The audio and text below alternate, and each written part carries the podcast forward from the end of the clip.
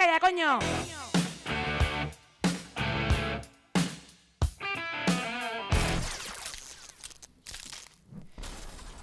Molt bon dia a tothom. Avui tornem a estar aquí en un dels nous programes de les ovelles negres de Donat. Avui, companyes, vinc una miqueta mosquejada, vinc cabrejada i vinc reivindicativa perquè novament s'ha dut a terme un acte de violència vicària, que és la forma més monstruosa que pot haver-hi de, de violència contra les dones, no? Matar els fills, els teus propis fills per fer mal a la mare, on també estàs fent mal amb els teus propis fills, és un dels extrems de, de, una de les múltiples formes que hi ha de violència de gènere, no? Uh, avui les ovelles negres i suposo que moltíssima més gent uh, ens unim en aquest sentiment de, de condol i, i pesen per la Beatriz arran de, de, de la mort de la seva filla, l'Olivia. No sé, companyes, com, com sentiu, però jo vinc mosquejada, estic, estic enfadada. Enfadada. Sí. No sé. Sí, bueno, és que, és, eh, com has dit, és la forma més horrorosa d'aquesta- d'exercir aquesta violència contra les dones, perquè, a més, eh, l'instrument amb el que s'exerceix aquesta violència són persones, són els, els fills d'ella, però és que són els fills d'ell. Uh -huh. Llavors aquí hi ha una cosificació de, dels nens i d'ell mateix, no? O sigui, ell, que és un pare, un company, no, és un assassí en el que converteix els seus propis fills en una eina. És uh -huh. horrible, no ens cap al cap. Exacte. És un, un sentiment molt frustrant, la veritat que molt, molt dolorós i, i realment ens fa veure que cada dia la gent et sorprèn molt més i que arriba a extrems en els que no t'imaginaries i desgraciadament segueix sent així i, i tristament segurament seguirà sent així i per això fa falta aquesta lluita, per això fa falta Sí. aquesta, aquest, aquest ímpetu, no? Sí, en casos com aquests et planteges com pot ser que hi hagi algunes faccions de la societat en les que, que afirmin amb aquesta, amb aquesta desfatxatesa, o com vulgueu dir, que el feminisme i la lluita contra la violència ma masclista no, no cal ja, perquè ja està tot molt passat, no? Correcte. Bueno, doncs molt malament, perquè mireu, mireu què passa. Això passa cada dia i cada dia. Totalment. Bueno, noies, seguint una miqueta amb la nostra línia, intentem fer el màxim de- d'esforç i lluita possible com seguim fent. Nosaltres seguim endavant amb una miqueta de visió positiva, visió cultural i com no podem passar a la nostra famosa secció de és natura o és cultura? Natura o cultura. Bé, doncs avui us porto una, a la secció de Natura o Cultura un tema que a mi personalment, bueno, m'agrada. M'agrada i penso que és un temazo, d'acord? I això ve molt arrel, que potser ja no ens en recordem, de quan l'equip de dones del Barça, d'acord, va, va, va guanyar la Champions. I és que molt sovint jo recordo moltes converses que he tingut amb molts amics i també algunes amigues no? en quan estem parlant en temes de què poden fer i no què poden fer les dones, no? I sobretot en temes d'esport, sí? No, és que les dones quan juguen, pues, mira-les, no, pobreciques, és que no dan más, no? Sabeu Mhm. el que us estic Sí, dient, sí. no? Heu Corre tingut como una niña. O corre como una niña, o no son tan fuertes como los hombres, no? És nenaza. Com, que nenaza, exacte. Aleshores, jo us porto un, un, un article que es va treure en el 2017, d'acord, que és sobre arqueologia, sí? Mm Us vaig dir que en el programa, bueno, en, el, en la en el que seria el que és natura cultura portaríem coses d'antropologia, arqueologia, etc. Mm -hmm. Doncs avui porto un d'arqueologia. Aleshores, us vaig ambientar una miqueta, sí? Bueno, esto es un poco de historia, d'acord? Però, bueno, fa més de 10.000 anys, d'acord, les tribus d'Homo sapiens, sí, vivien de la caça i de la recol·lecció. Aleshores, en el que se li diu la revolució neolítica, o sigui, fa 10.000 anys, comença a haver-hi l'agricultura i la ramaderia, sí? Per què us explico tot aquest rotllo? Perquè la caça i la recol·lecció el que crea, és a dir, el tipus d'activitats que tu faràs també configura un tipus de, fi, de físic, sí? Aquests humans en aquells moments tenien les cames molt més, molt més robustes. Què passa quan hi ha el canvi a l'agricultura i a la ramaderia? Que aquesta força, per exemple, passa als braços i les extremitats són molt més fortes de braços. Entonces, el artículo este, sí, que lo hace la Universidad de Cambridge, guay la universitat, ¿vale? es de estas conocidas, va fer un estudi de... va agafar unes esportistes, dones, en aquest cas, sí? va agafar a un equip de dones remer, d'acord? I atletes i tal actuals, vives, d'acord? No eren ossos i tal, eren vives. I van calcular la seva densitat òssia i van veure que eren més robustes que persones, per exemple, com jo, que no sóc, no sóc remer, d'acord? Dic-lo de remer perquè no es pot feminitzar aquest nom, sí? Perquè si no, elles mateixes ho Sí, demanen. sí. sí? Vanessa. Madre mía. no fa gaire va sortir per la ràdio que ho comentaven també i vaig dir, esto se tiene que puntualizar porque hay gente que realmente lo, lo feminiza i no, no, No, no, clar. correcto. Hi ha paraules que... Exacte. vegades- Però penseu que aquest equip, per exemple, sí, el que fa és setmanalment 200 quilòmetres, d'acord? Remant, sí? I estan com més de 20 hores a la setmana fent aquest esport. Vull dir que la seva densitat és molt més forta, per exemple, que la meva. Però es comparava amb restes arqueològiques, i això sí que són morts, d'acord, d'aquell moment en la revolució neolítica, i les dones aquelles tenien la- l'osamenta molt més forta, encara que les que practiquen aquest esport. Mhm. I estem parlant d'un esport dur. Què vol dir això? Que el tipus d'activitat que tu estàs fent, no vull dir condicionar ni determinar, però sí que influencia amb el tipus d'activitat que tu pots fer. Y aquí es donde yo me meto en el lío, porque a mí esto es lo que me hace reflexionar en, vamos a ver, yo realmente, biológicamente, hay una justificación para decir que yo no puedo hacer una cosa, o es realmente las actividades que a mí se me permiten hacer socialmente las que me van a dejar poder hacer una cosa. ¿Las chicas realmente no pueden correr tanto como un hombre, o es que no se han dado ni el dinero, ni la intención, Ni ¿no? la posibilidad. Ni la posibilidad para que estas mujeres... Porque también otra cosa, eh, que todos los hombres cuando hablan y dicen escolta, que és que els homes juguen millor a futbol com si tots estiguessin en el Barça. No, està- clar, és que aquí hi ha diferents coses. Ho mirem com a dos grups separats, homes i dones, i tots els homes estan al Barça jugant? No, és que és la diferència individual. N'hi ha dones que són molt potents amb esports, no? Sí. però no la reconeixem.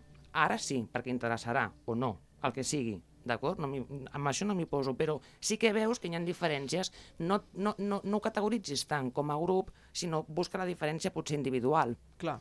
no? Per tant, no és natura. No, és cultura, Claro. des del meu punt de vista. Sí, No, evidentment hi ha coses biològiques que tu no pots. Eh, hi ha coses que són biològiques que tu no les podràs modificar. És a dir, jo tinc un sistema reproductiu i els homes tenen un altre sistema reproductiu. Però a partir d'aquí, ha- això no justifica no? com ha justificat durant molts anys durant la història de que jo no pugui fer certs tipus d'activitats.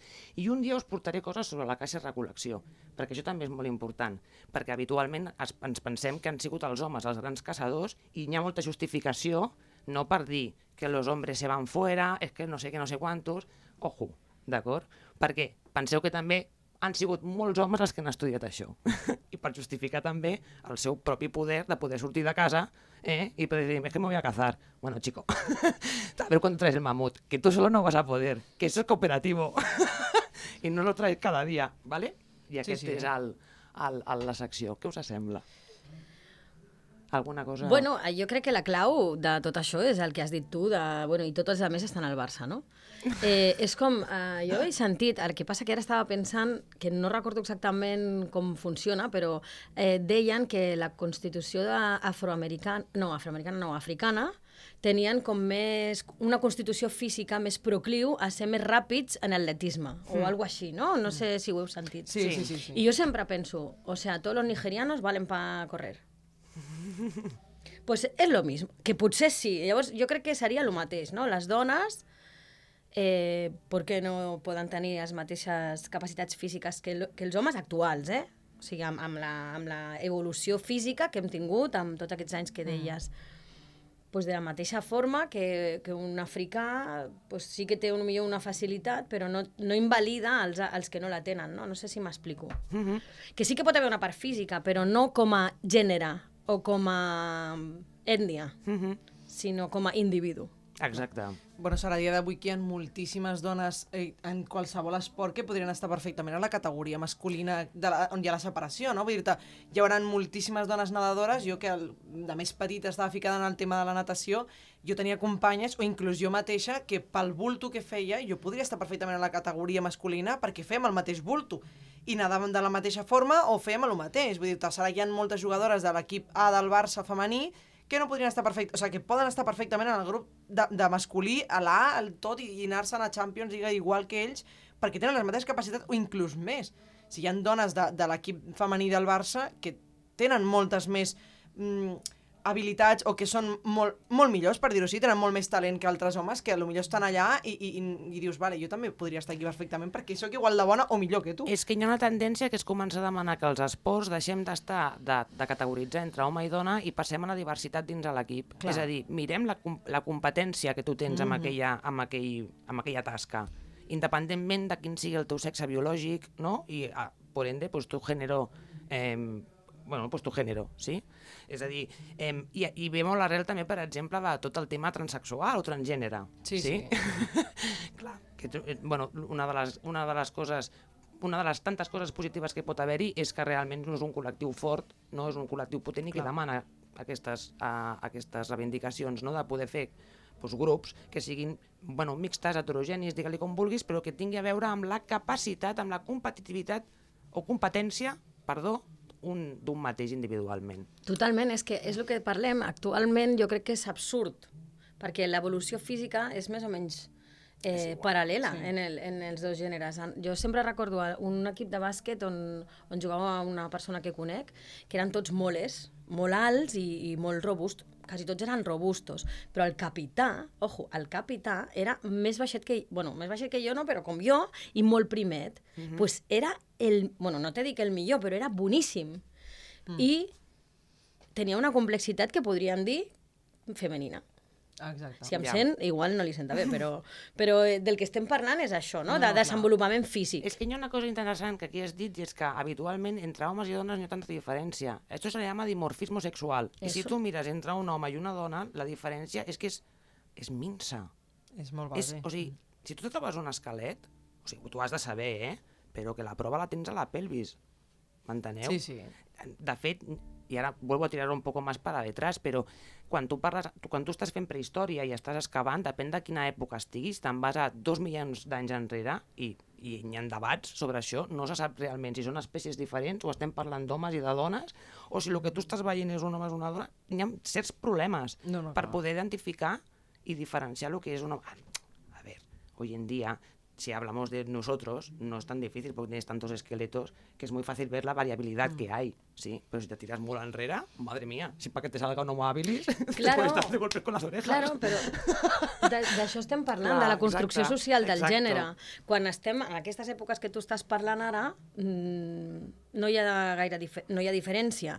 Després es construeix el gènere i es, es fa, es fa aquesta diferència. I ara tornem a no haver la diferència.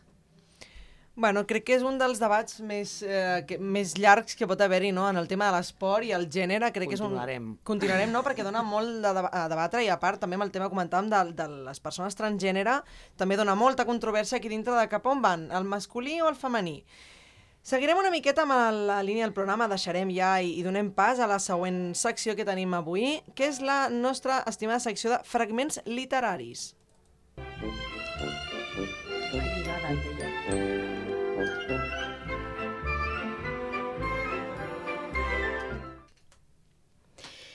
Bé, doncs avui us, us porto unes lectures que van molt lligades amb el natura i cultura que, que estàvem parlant. Eh, són dos fragments de la tercera part d'una saga que es diu Los hijos de la tierra, de Genoel. Eh, es va escriure el primer al 1980 i el darrer, ara, fa, el sec, el sisè, són sis llibres i el sisè es va escriure el 14, em sembla, el 2014, que era superesperat perquè eh, és un d'aquests casos de boca a orella que va tenir molt d'èxit des del principi, no? Sí. Eh, bueno, és la història d'una nena que ella és cromanyon, però neix a la última fase de l'era glaciar. Llavors, clar, què passa? Que com coexisteix amb els neardent. Amb ella Near, cromanyon. como, como, te, como te escucha alguien decir Near, te mata, ¿eh? Perdón, Hay un montón de memes. ¿Cómo se eso. dice, entonces? Neandertal. pues eso. Uy, yo he dicho mal toda la vida. Neandertals, pero es que lo he escrito así todo, ¿eh? Bueno, neandertals, i ells la, la, l'agafen. Els neandertals són anteriors, ¿vale? Ella és cromanyon, que és el, la següent eslabón, no? Sí. Vale, pues us podeu imaginar. Ella té un físic eh, més, més esvelt, ells són més, com deia abans la Irene, més amb els braços que caminen a vegades també una mica apoyant els, els nudillos al terra, bueno, Mm -hmm. Pero, pero, ¿Me puedes hacer un inciso Por supuesto. Eso? però això és una llicència literària, perquè actualment els neandertals gairebé s'està... Bueno, ja fa anys que es deien fins i tot de dir-los homo sapiens neandertals perquè s'assemblaven molt a nosaltres. Aquesta imatge del neandertal com si fos un, un quasimodo. No, no, no, no, no però Ah, vale. no, si tu llegeixes després, o sigui, ella, ella els hi diu el clan, perquè són, ella es va criar allà, ella creu que, que el que passa és que ella és lletjíssima. O sigui, Ai. ella es veu el, petit, el patito feo, perquè no és igual que els altres. Uh -huh. I els altres no, la, la tracten com una deforme, perquè imagina't, eh, imagina't quan riu o plora, que té, ells no ho entenen, què li passa, tiene los ojos enfermos, perquè, saps? I ella mm, creix pensant-se que l'anomalia és ella, saps? I tot el sistema de creences i de, i de sentiments i de més no, no ho donen com si fossin, jo què sé, micos o no sé què has dit, no? No, no, no. Quasimodo. Pues ni, ni quasimodos tampoc. Bueno, anem a llegir un trosset Sí. que en faré dos y el primer es el següent. Talud se aproximó con la mujer corpulenta. Barsek y los niños los acompañaban, por lo que Ayla supuso que formaban pareja. Ayla, quiero presentarte a mi hermana, Tuli, del hogar del Uro, la mujer que manda del campamento del león. Te saludo, dijo la mujer, alargando ambas manos la a la manera formal. En el nombre de Mut te doy la bienvenida. Como hermana del jefe era su igual y tenía conciencia de sus responsabilidades. Te saludo, Tuli, replicó Ayla, tratando de no mirarla con fijeza. Cuando Jondalar pudo ponerse en pie por primera vez, se había llevado una gran sorpresa al descubrir que la superaba en altura. Pero aún más asombroso resultaba ver una mujer más alta. Ayla siempre había sobrepasado a todos los del clan, pero la jefa era más que alta, era musculosa y de aspecto fuerte. El único que la superaba en tamaño era su hermano. Ella tenía el porte que solo la estatura y la corpulencia pueden dar, y la innegable seguridad de una mujer madre y jefa, completamente confiada y dueña de su propia vida. El que és l'aparença, eh? També. Claro, no, però és que ella ve de viure amb el clan, que són més, més baixets que ella i no tenen llenguatge oral, saps? I ella es troba amb això, que a sobre no, és, no només són alts, sinó que són més alts que ella, saps? I ella, sobretot, el que li sorprèn és aquesta aparença de ella és la dueña de su vida, Mhm. no? És molt, bo, molt, molt, molt adient amb el que parlàvem abans de la natura i la cultura. Y el següent trosset es el següent. De pronto, Ayla cayó en la cuenta de que, por primera vez, había participado en una cacería como miembro aceptado del grupo. Cuando era niña, había querido acompañar a los hombres, aun sabiendo que a las mujeres les estaba prohibido cazar. Pero se honraba tanto a los cazadores por sus proezas, parecía todo tan excitan- excitante por lo que contaban que soñaba con participar, sobre todo cuando deseaba escapar de una situación desagradable o delicada. Aquel fue el inocente comienzo que la llevaría a situaciones mucho más complicadas de lo que hubiera podido imaginar. Más adelante se le permitió cazar con onda, aunque los otros tipos de armas seguían siendo tabú. Desde entonces comenzó a prestar atención, en silencio, cuando los hombres discutían sus estrategias. Los hombres del clan no hacían casi ninguna otra cosa aparte de cazar, hablar de cacerías, fabricar armas para la caza y participar en los ritos de los cazadores. Las mujeres del clan desollaban y descuartizaban las presas, preparaban los cueros para confeccionar vestimentas y ropa de abrigo, conservaban y cocinaban la carne y además se encargaban de hacer vasijas, cuerdas, esterillas y diversos objetos domésticos, además de recoger plantas para comer, como medicinas y para otros usos. El clan de Brun era casi tan numeroso como el campamento del león, pero sus cazadores rara vez cazaban más de uno o dos animales en cada expedición. Por tanto, era preciso hacerlo con más frecuencia. En aquella época del año salían casi todos los días para almacenar lo más posible en la previsión del invierno. En el campamento de León, en cambio, era la primera vez que la gente salía de caza desde la llegada de Ayla. Ella se hacía preguntas a sí misma, pero nadie más se preocupaba por ello. Interrumpió su labor para mirar a los que estaban desollando y descuartizando a un rebaño entero. Como de cada animal se encargaban dos o tres personas, el trabajo se efectuaba en un tiempo mucho más corto de lo que ella hubiera podido imaginarse. Eso la hizo pensar en las diferencias entre ellos y los del clan. Las, mujer- las mujeres mamutoi cazaban junto a los hombres. En consecuencia, había más cazadores. No obstante, en aquel grupo había nueve hombres y solo cuatro mujeres, pues las madres de hijos pequeños rara vez cazaban, a pesar de lo cual no cambiaba la situación. Con más miembros, la, cacería era más efectiva. Por añadidura, el trabajo de descuartizar y desollar se hacía con mayor eficacia al participar los hombres. Eso parecía lógico, pero Ayla tenía la sensación de que estaba pasando por alto un punto esencial. En realidad, el factor primordial era que los mamutoi tenían otra forma de pensar. No eran tan rígidos, no estaban atados por las reglas que decidían sobre lo que era correcto y sobre cuánto se había hecho antes. Las funciones eran más difusas, la conducta de hombres y mujeres menos definida y estricta. Todo parecía depender más bien de las inclinaciones personales y de lo que diera mejores resultados. Mm. pues ve molt, molt, molt, no? molt relacionat amb el que estàvem parlant abans. Doncs sí. Pues mira que no me l'he llegit mai, me están dando ganas de leer te lo este estoy libro. Es que te lo estoy diciendo. sí, sí, sí, sí. De fet, ella, l'autora, la, per, per escriure aquests llibres, no només ha visitat pues, des d'Altamira a les coves d'Iraq, un munt de llocs, i ha fet una investigació molt exhaustiva, sinó que ella mateixa ha fet cursos de supervivència en gel, per poder explicar-ho bé, no? I empatitzar molt, no? Evidentment que hi ha llicències literàries, però sí. jo crec que està molt ben escrit, molt, molt ben escrit. Uh -huh. Bueno, de fet, no fa gaire, potser fa un any, escaig, va sortir la que havien trobat restes d'una dona també del Neolític que era caçadora que seria de les poques restes que n'hi ha, però clar, és que realment hi ha poques restes. I si les restes que et trobes dona la casualitat de que és un tío, pues dicen, no, pues todos los hombres son cazadores. Bueno, dejar la libertad, ¿no? Vamos a explorar un poco más, ¿sabes? que, que somos cuántos millones de humanos en el mundo ahora. Clar, és que... Clar, és que abans eren molt menys. No, clar, que realment abans era, era supervivència pura i dura. Vull dir, si tu em pots ajudar a que puguem sobreviure tots, te vienes. Vull dir no, no hi havia miramientos de, ah, no, no, tu t'has de quedar aquí perquè tu no, eh? És com, si pots vindre, te vienes, si no, pues no te vengas. Però és supervivència de tots, no? Supervivència de la tribu, supervivència de, del grup ah, en general, no? I practicitat, no? sí, sí. vull dir, si va, sou, sou més, podeu caçar ah, més, sortir menys vegades i tot és més efectiu, mm -hmm. en funció de les inclinacions personals. Per tant, és una construcció social. Sí, sí, sí, completament. completament. Cultura. Cultura. completament. Cultura total. Molt bé, doncs després d'aquest eh, interessant debat sobre, sobre el tema, vull dir, ha estat breu, però, però és que hem tingut molt, molt de tema avui per, per comentar, passarem a la recta final ja del programa amb la famosa reflexió final que fem. Avui eh, ens acompanyarà aquesta reflexió la cançó de Respect d'Aretha Franklin, la veritat que és una, bueno, artistaza.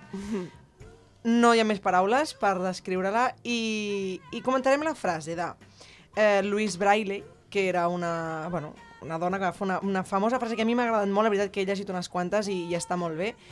La frase seria, me gustaría que todo hombre que no se considere feminista le explicara a las mujeres de su vida por qué no creen la igualdad para las mujeres. El concepte feminisme sempre ha creat una miqueta controvèrsia, ja que per totes les persones aquest concepte no és el mateix. Uh, tenim, doncs això, una, una concepció del que, de que realment es tracta, no? de quines coses pot haver i quines coses no. El que sí tenim clar és que totes les que cerquem l'igualtat entre, entre persones i entre gèneres, sobretot, ja que per poder construir una societat doncs, amb una base ferma i equitativa, eh, són necessàries una sèrie de reformes i, i, i remodelacions o, o bueno, adaptar-nos una miqueta als que són els conceptes i les ments, no? Evidentment, les persones que tenim les nostre, els nostres drets de creure en totes aquelles coses que ens semblin més justes o no, no? evidentment cadascú té la seva manera de pensar i les seves maneres de veure les coses. Però ara bé, també jo penso, no, no s'hauria de, de crear una sèrie d'acords i consensos en els quals poder arribar tots en un punt comú, que hi hagi una comoditat i un, i un enteniment entre tots. No, Vull dir, no podem estar tots d'acord 100%, si no, no hi haurien debats mai, però crec que fa falta arribar a unes bases comunes de, de respecte i cordialitat. Amb els anys doncs, s'ha doncs, vist eh, molt afectat el concepte de la llibertat, com sempre es mantén, perquè, perquè hi ha una, un concepte d'inferioritat i, i de càstig, no? aquesta rebeldia cap a les dones als quals, eh, de totes les que ens van precedir, per, per voler decidir. No? El que realment ens hauríem de plantejar seria puc fer alguna més per poder fer que el, que el meu entorn sigui un lloc millor? Pensem-hi, no?, una miqueta, i, i bueno, a partir d'aquí, visca les, les ovelles negres de Donat, no? Visca! Visca!